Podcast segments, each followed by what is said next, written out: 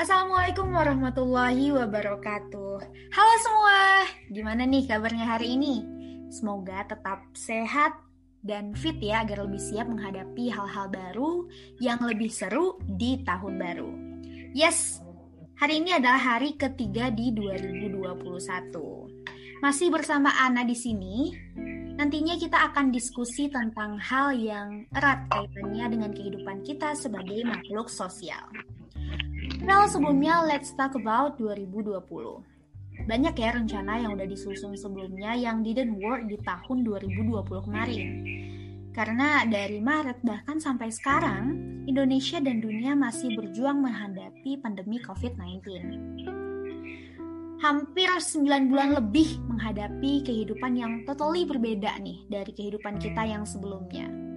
Kadang kerasa aneh banget karena aku juga ngerasain nih sebagai kalangan pelajar harus merasakan kuliah secara online, gak ketemu secara langsung, ketemunya cuma sama monitor doang.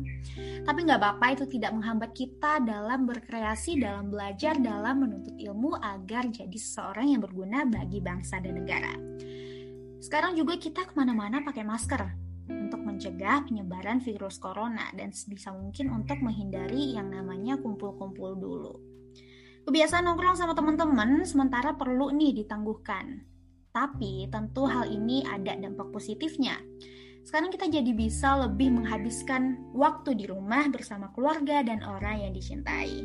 Ya semoga saja pandemi ini tidak menghambat kita untuk tetap menciptakan hal-hal yang bermanfaat yang berdampak baik bagi diri sendiri maupun bagi lingkungan sekitar. Jangan lupa untuk tetap berprogres dalam hidup dan be better version dari tahun-tahun sebelumnya. Oke, kita move ke topik kita hari ini karena di episode kali ini kita akan cerita tentang suatu perilaku, suatu sikap yang positif di mana seseorang menghormati atau menghargai tindakan yang dilakukan oleh orang lain. Yap, bener banget hari ini kita akan cerita tentang toleransi. Nah, kalau untuk toleransi sendiri bisa macam-macam ya, bisa toleransi dalam politik, agama, budaya, bahasa, dan juga tentang bagaimana kita berinteraksi dalam kehidupan sehari-hari.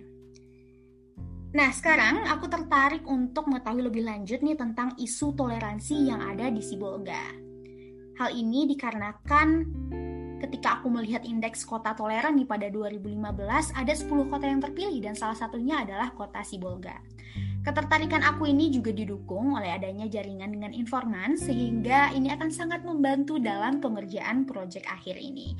Oleh karenanya hari ini aku nggak sendiri, sudah ada di sini seseorang yang akan jadi kawan bincang-bincang kita hari ini. Yuk kita sambut saja Ray Dilhan. Selamat datang. Halo. Halo semuanya. Halo. Hmm? Halo. Halo Ana.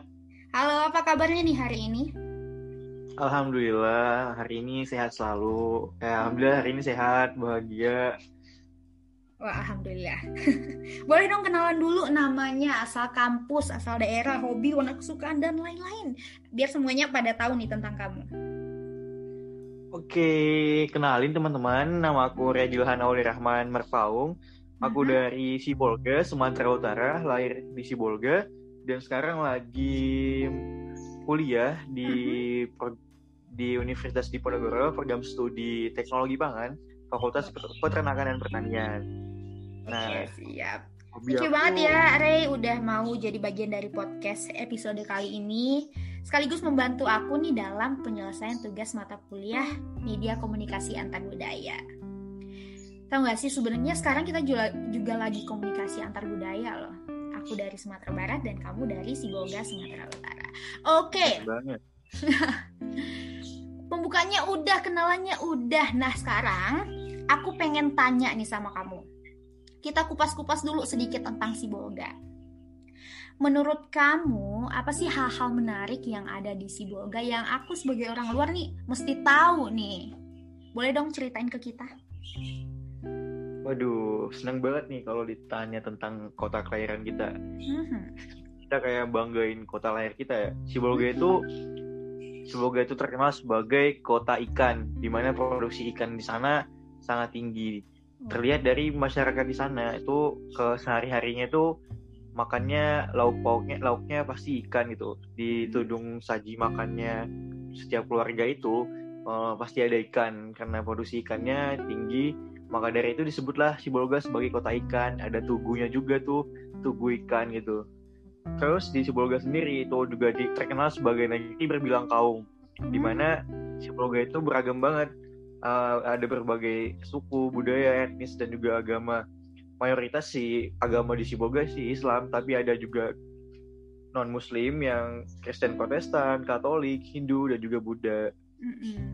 Selain itu Sibolga juga terkenal sama wisatanya juga wisatanya yang indah pantainya yang bersih jadi banyak wisatawan juga nasional maupun mancanegara juga datang ke Sibolga. Wow. Aku sangat tertarik nih ada tiga poin yang kamu sampaikan sebelumnya mulai dari kota ikan terus juga pemandangannya bagus. Dengan terakhir itu negeri seribu kaum kota seribu kaum. Nah sebelumnya mau nanya dong kalau kota ikan konsumsi ikan kamu gimana nih sehari-hari? Makan ikan nggak Ya pasti dong. Aku kalau di rumah itu ibu aku selalu makan ikan.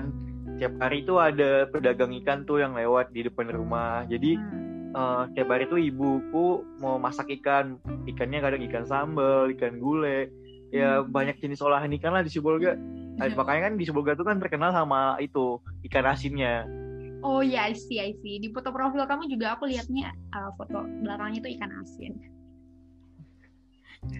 terus aku juga tertarik dengan pemandangan yang ada di Sibolga itu pemandangannya tuh yang lebih ke mana sih? Pantai kah, gunung kah, perbukitan, kebun atau gimana? Nah, menariknya lagi nih ya, pemandangan di Sibolga itu tidak hanya pantai aja, gunungnya hmm. juga. Kalau kita nih, oh, kita mandang dari gunung tuh indah banget tuh lihat kota Sibolga sama laut-lautnya. Nah, hmm. Sibolga kan uh, berdampingan ya dikelilingi oleh uh, Kabupaten Tapanuli Tengah yang dikatakan sebagai uh, kota pesona kan sejuta pesona. Hmm. nah jadi itu Sibolga tuh sangat dikenal banget jadi ikonik di Sumatera Utara juga. Soalnya banyak wisata pulau-pulau kayak Pulau Putri Pulau Mursala. Itu juga my trip my adventure tuh pernah tuh ke sana ke Pulau Mursala ke Pulau Putri. Karena di pulau di Pulau Mursala itu ada air terjun nih. Air terjun yang langsung ke laut. Dan itu gue denger aku denger denger tuh cuma ada dua di dunia. Satu di Brazil satu di Mursala soalnya oh. ada ceritanya uh-huh. Putri Runduk itu ada cerita Putri Runduk uh-huh. makanya ada juga Pulau Situngkus ada Pulau Sendok juga jadi si putrinya itu uh, tenggelam gitu loh jadi ada makanya dia ada Pulau Putri ada juga nasi bung ada bawa nasi bungkus kan di Pulau Situngkus. Dia kok hmm. ada sendoknya kan juga ada Pulau Sendok juga. Oh. kayak gitu. Menarik menarik. Tapi kalau didengar doang tuh kayak menggugah semangat untuk ah segera nih ke sana. Di 2021 ini mesti nambahin list kota baru yang harus dikunjungi yaitu Sibolga harus. Oke oke, terakhir tadi ada negeri berbilang kaum. Boleh dong ceritain karena aku nggak begitu paham nih dengan istilah ini. Boleh dong kamu jelasin ke kita? Oh, negeri berbilang kaum itu ya, Siboga emang uh, samboyannya ya Sa Iyo Sakato, terus negeri ber, se, negeri berbilang kaum karena di Siboga itu beragam masyarakatnya. Soalnya dengan kota yang kecil kayak gitu, tapi hidup rukun kayak gitu satu kan ada lagunya tuh hidup rukun damai sentosa gitu makanya kenapa banyak agama agama ada Islam Buddha Hindu Kristen Protestan, ada Kristen Katolik, uh, budaya juga banyak budayanya dan ada budaya si Bolga itu yang kayak pemersatu itu namanya si kambang gitu, kayak tarian si kambang. Terus ada itu dari sukunya juga ada suku Jawa, Batak, Melayu, juga Minang bahkan ada di sana gitu. Makanya wow. dikatakan sebagai negeri berbilang kaum. Oh gitu. Oke oke oke, aku udah note. Aku kepo nih, si Bolga itu seluas apa sih? Kenapa bisa beragam orang ada di kota itu? Banyak lagi dari berbagai suku tadi kamu bilang Jawa, Minang ada, Melayu juga ada. Kok bisa gitu? Seluas apakah dan gimana caranya untuk tetap bersosialisasi dengan bagus, dengan baik di sana coba deh. Kalau si Bolge itu ya luasnya tuh cuma berapa ya? Tidak terlalu luas karena cuma ada empat kecamatan. Jadi ada empat kecamatan dan cuma punya mm -hmm. 20 kelurahan. Jadi cuma dikelilingin Tapanuli Tengah gitu loh. Dan dengar-dengar Blogga itu mau dijadiin jadi ibu kota Tapanuli. Soalnya kan mau dipecah kan jadi provinsi Tapanuli jadi provinsi mau dijadikan provinsi Tapanuli. Nah hmm. Sibolga ini mau dijadiin uh, ibu kotanya. Soalnya di Sibolga ini banyak kayak Bank Indonesia juga ada di Sibolga ada Bulog juga banyak uh, ada Pertamina juga. Kayak ini kayak kota kecil yang udah kayak berkembang gitu loh. Oke okay, okay. tapi luasnya nggak luas-luas banget mm-hmm. kental nggak sih sama yang namanya toleransi ketika banyak budaya bergabung dalam satu daerah gitu gimana sih menurut kamu makna toleransi kepo banget wah bicara soal toleransi ya uh-huh. toleransi itu kayak hal dasar ya yang harus kita miliki ketika kita uh, di tengah keberagaman makanya uh-huh. Bagi aku ya toleransi itu ya saling mengerti satu sama lain agar tidak adanya konflik sosial ya agar tidak adanya perpecahan di antara masyarakat gitu loh. Jadi kita bisa hidup berdampingan dengan masyarakat itu damai saling gotong royong seperti itu. Oke, penting banget ya toleransi karena tadi aku juga nyatat ternyata kalau toleransi rendah kamu juga bilang akan menimbulkan masalah sosial nih yang justru berpotensi menjadi sebuah konflik bahkan nanti ujung-ujungnya bisa jadi perpecahan. Mantep. Oke, oke, oke. Selanjutnya aku mau nanya tentang gimana sih toleransi di Sibolga itu sendiri? Gimana caranya masyarakat sebagai makhluk sosial nih untuk hidup berdampingan tapi tetap asik aja gitu. Wah, kalau bicara soal di Sibolga ya, uh-huh. aku ambil ambil leadernya aja ya. ya. Jadi kayak wajahnya Sibolga itu kan wali kota Sibolga kan Sibolga kan kota Madia nih. Kan wali kotanya tuh oh, mantan wali kotanya ya. Kebetulan tahun ini udah pergantian yaitu Bapak Servio Tauruk ya. Dia itu uh, aku lihat-lihat itu emang bapaknya sangat toleransi banget karena kalau ada acara di gereja nih ya di di tempat non muslim ya mm-hmm. atau kayak acara Natal ataupun acara sebagainya dia itu datang buat kata sambutan untuk sekedar sambutan aja untuk menghargai undangannya dan dari situ aku bisa lihat bahwasanya tingkat toleransi di Sibolga itu tinggi dan ditambah lagi berdasarkan data yang tadi Ana bilang ya pada tahun 2015 itu Sibolga masuk ke uh, 10 kota to uh, tertoleran di Indonesia. Oke, tapi sekarang pertanyaannya gini. Seorang pemimpin itu biasanya akan cenderung menampilkan sisi terbaik dari dirinya. Ya tujuannya mungkin saja emang tulus dari hatinya atau bisa juga nih buat uh, representasi dirinya sebagai oh saya pemimpin saya harus melakukan yang terbaik. Nah gimana sih kalau masyarakat biasa masyarakat sekitar this is not about a leader tapi about kamu sebagai masyarakat sosial itu gimana?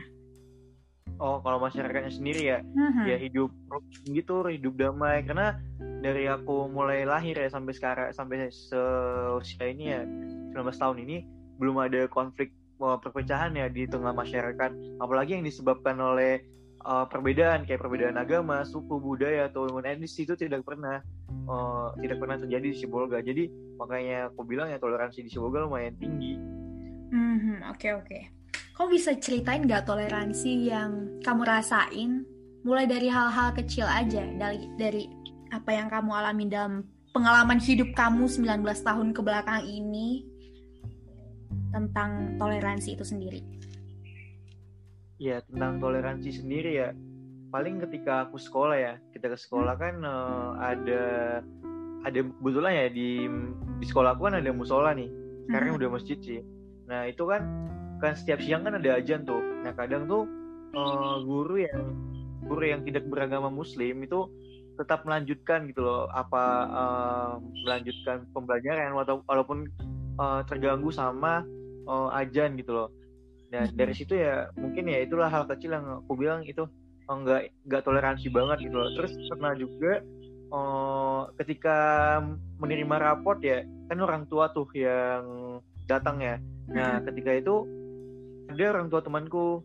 Kebetulan guruku untuk yang membagikan kabar tuh kan ngomong tuh kebetulan lagi ajan juga kan. Nah mm-hmm. tiba-tiba ya ini nggak tahu bercanda apa enggaknya gue orang tua temanku bilang apa sih ribut banget itu? Maksudnya bilang ribut itu ke ajan ke karena sampai sore aja nah mungkin itu sih hal-hal kecil yang yang aku lihat kalau bosnya uh, ada ketidaktoleransian di antara uh, masyarakatnya gitu loh.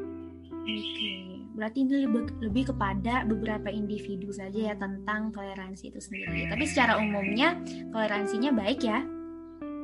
Iya, karena tidak ada perpecahan sampai uh, konflik konflik besar itu tidak pernah ada di Sibolga. Oke oke oke. Tapi untuk masalah-masalah kecil, mungkin saja nih suatu saat bisa berpotensi nih jadi uh, kasus perpecahan nih karena hal-hal kecil gitu. Karena segala sesuatu kan berawal dari hal kecil. Ya kita mengantisipasi hal itu yang terjadi hal itu agar tidak terjadi lah ya nantinya. Oke. Okay. thank you banget untuk sharing-sharingnya. Gini gue ada pertanyaan. Karena lo asalnya dari Sibolga dan sekarang posisinya lo lagi ada di Semarang menuntut ilmu. Pasti ini pasti ada banyak perbedaan antara Sibolga dengan Semarang. Nah untuk toleransinya sendiri lo ngerasain ada perbedaan nggak? Gue ngerasa perbedaan sih, karena gue bilang apa tadi ya, si Bolga itu bisa dikatakan di wajahnya Indonesia karena beragam itu dari suku budayanya. Hmm. Nah, sementara di Semarang itu kan mendominasi merupakan suku hmm, Jawa ya. Mm-hmm. Gue ngomong, gue kencang banget ya ngomongnya. Aduh, suku Jawa ya. Enak, enak bagus. Enggak, suku Jawa. Nah, maka dari itu ya, kalau lu kalau lu misal nih kalau lu sebuah minoritas di tengah-tengah mayoritas pasti uh, lu kita dong yang harus bisa beradaptasi di lingkungan yang mayoritas. Jadi hmm. kalau soal toleransinya ya gimana ya ngomongnya? Gimana gimana? Kalau dua sih hmm, lebih toleransi yang di Sibolga gitu loh. Karena ya aku bandingin aja langsung ya. Maksudnya biar dapat langsung. Lebih toleran kalau menurut gue lebih toleransi di Sibolga karena lebih beragam ya. Karena kalau di sini tuh kita harus bisa oh, menyesuaikan dulu ke mereka gitu loh. Tapi semisal mereka kita nggak bisa menyesuaikan ke mereka kita tuh kayak ketolak gitu di dalam uh, di lingkungannya gitu soalnya karena dari cara bahasa dari dari dari oh ya dari bahasanya sangat jauh beda dari uh, mm-hmm. dari hmm, apa sih namanya? Dari budaya juga jauh beda. Makanya dari itu kalau menurut aku lebih toleransi yang di Sibolga karena di sini tuh kita harus bisa menyesuaikan okay. dan kok gue muter-muter ya ya Allah Oke, okay, bentar. Okay. Ini gue coba bantu deh. Menyesuaikan. Nah, menyesuaikannya ini dalam hal apa aja nih? Salah satunya tadi lo mention bahasa. Itu gimana tuh? Iya, bahasa. Kita juga harus bisa sedikit-dikit kayak bahasa Jawa gitu. Kita mencoba memahami gitu. Kita harus bisa ya, ya easy going ke mereka gitu. Harus friendly banget gitu ke mereka. Kita harus punya usaha lebih ya itu juga menjadi tugas kita pribadi sih sebagai yang merantau tuh harus bisa beradaptasi. Kayak katanya apa sih yang orang Minang? Yang mana bumi dipijak di situ langit dijunjung ya. Ya benar That's good. Oke okay, berarti udah bisa bahasa Jawa dong ya? Gue paham sih tapi belum bisa secara lancar gitu. Hmm dan sekarang posisinya lo paham cuman tidak lancar itu lo mendapatkan penolakan nggak dari lingkungan sekitar di sana? Ya kadang gue ngerasain juga mendapat penolakan soalnya di sini tuh kita juga harus oh, apa sih menjawabkan diri kalau gue pernah ditegur ya mm-hmm. oh, sama maksudnya gue cerita maksudnya ditegur sama kating kakak tingkat gue yang memang Jawa kamu harus bisa menjawabkan diri kamu gitu bahasanya gitu jadi harus bisa tahu adatnya gimana sopan santunnya di Jawa gimana. Ya kayak gitu sih ya, intinya harus bisa menjawabkan diri kita. Hmm. nah kan dari itu kan berarti ya buat toleransinya hmm, gue rasa harusnya uh, mereka bisa memaklumi kemudian mengajarinya ya. Dan sementara di sini tuh ya lu harus punya teman dekat gitu loh yang gimana ya ngomongnya? Oh tentu. Ya harus ah, punya pil sendiri ya? Harusnya harus menjawabkan diri kita sih itu ya. hmm. diri. Ini gimana ya? Kalau menurut pandangan gue ya kalau gue boleh ngasih pandangan harusnya saling sama-sama saling menghargai aja sih. Tidak harus menjauhkan diri atau tidak harus mensibolgakan diri kalau menurut gue. Ya, Aha. karena menurut gue kayak uh, ya kita karena kita berbeda itulah seharusnya kita bisa bersatu. Bukan karena kita sama nih kita satu nih tapi karena kita berbeda tapi satu Indonesia ya udah satu gitu. Dan kalau ya, lo harus bisa bahasa Jawa menurut gue itu dijadiin apa ya? Dijadikan hmm, ilmu baru. Ya, yang lo ya. di Semarang. Ah, ah, ah. peningkatan kompetensi kompetensi diri. Dan juga nambah banyak temen juga nggak bisa dipungkirin. Iya benar banget sih. Karena apa? Gue juga mikir untuk apa ada bahasa Indonesia bahasa yang mempersatukan uh, seluruh masyarakat Indonesia tapi mereka tuh lebih do, lebih sering untuk bahasa Jawa apalagi mereka yang udah terbiasa gitu ya di lingkungan keluarganya. Terus kan intonasinya di sini kan intonasinya rendah ya. Tau lah orang Sumatera tuh kan intonasinya tinggi ya. Kadang tuh kadang tuh kita tuh yang orang Sumatera tuh dikira kita tuh marah atau ngegas gitu loh. Padahal ya emang bawaannya seperti itu. Jadi ya kayaknya kalau lu merantau ke sini harus lu yang bisa harus lu punya nilai toleransi yang tinggi dan bisa beradaptasi di sini itu. Oke, karena kita yang datang, kita lah yang harus beradaptasi. Iya, kita. Oke, oke, oke, oke. Eh, penasaran juga tentang uh, bahasa ini. Kalau di kampus, kalau dalam belajar, bahasa pengantarnya biasanya pakai bahasa apa? Bahasa pengantarnya pakai bahasa Indonesia sih, tapi pernah ya gue alamin ya hmm ada dosen tuh yang ngajar pakai bahasa Jawa gitu loh. Kayak maksudnya masih ada mereka Jawa Jawanya uh-huh. ya, lu bayang gak sih kalau kalau lu gak asli Jawa terus dosennya ngajar ngajar pakai sekitar 50% tuh bahasa Jawa. Ya, gimana? Mau paham gitu loh. Menarik menarik. Tapi ya, ya ada sih. Ada satu dosen doang yang pernah gue alami tapi yang lainnya lebih sering pakai bahasa Indonesia Mm-hmm. Kadang tuh dosennya tuh nanya, misalnya ada satu kata yang uh, dia sering dengar pakai bahasa Jawa, dia nanya ke mahasiswanya, mm. eh ini bahasa Indonesia-nya apa sih gitu loh. Dan dari oh. situ bisa oh, gue menunjukkan bahwasanya oh, kemampuan bahasa Indonesia-nya mereka tuh masih kurang gitu loh, karena lebih sering untuk bahasa Jawa, komunikasinya itu salah. Sawa. Sementara kalau di Sibolga ya, oh, bahasanya itu eh bahasa pesisir tapi masih bisa pakai bahasa Sibolga gitu menyesuaikan juga sama lingkungan gitu hmm. karena kebiasaan kali ya kebiasaan pakai bahasa Jawa yang yeah. memang sedikit berbeda ya dari bahasa Indonesia gitu iya yeah. hmm. nah. benar-benar benar bisa karena terbiasa benar ya semoga uh, toleransi di mana pun itu dengan siapa pun itu semakin meningkat. Kita udah mau sampai nih di akhir wawancara, di akhir diskusi kita hari ini. Boleh dong uh, pesan-pesannya nih untuk aku juga untuk pendengar kita tentang toleransi dari apa yang kamu pelajari dan apa yang kamu alamin aja. Oke, buat buat pesan-pesanku kepada teman-teman adalah di toleransi itu merupakan nilai yang penting buat kita untuk uh, belajar untuk kita bisa diterima oleh masyarakat karena di mana pun kita tinggal kita sebagai warga negara Indonesia merupakan warga negara, negara yang uh, berada ya. mm-hmm. gimana Indonesia yang beragam gitu loh karena toleransi itu adalah modal utama di tengah keberagaman. Maka dari itu teman-teman yang dengar podcast ini selalu lah menunjung tinggi nilai-nilai uh, nilai toleransi untuk bisa uh, menjaga kerukunan di tengah-tengah masyarakat. Walaupun teman-teman yang nonton podcast ini adalah teman-teman yang uh, pemuda-pemudi ya ataupun anak-anak ya siapa sih yang nonton podcast tuh?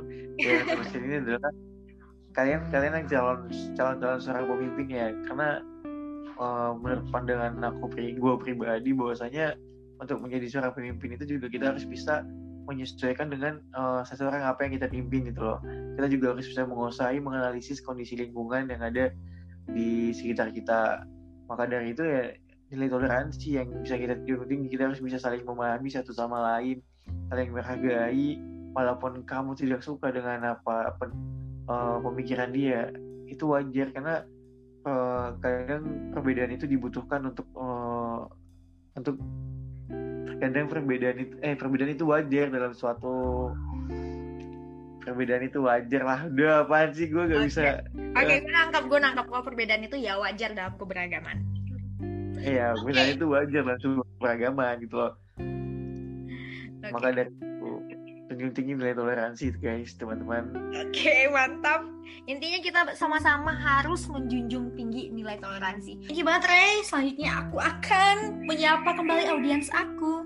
Oke okay, guys. Sepakat ya kalau Indonesia itu luas banget dan budayanya juga banyak dan beragam dan menjaga persatuan dan kesatuan seluruh rakyat Indonesia dari berbagai macam suku, ras, agama adalah tugas kita nih untuk saling bahu-membahu bersama mewujudkan kemerdekaan bangsa Indonesia tanpa ada rasa perbedaan, tanpa ada rasa diskriminasi, dan yes, inilah toleransi, sebuah modal utama di tengah keberagaman. Dan tugas maha besar generasi kita untuk generasi selanjutnya adalah mewariskan toleransi. Aku Ana, sampai di sini. Sampai jumpa di podcast-podcast selanjutnya. See you, bye-bye. Wassalamualaikum warahmatullahi wabarakatuh.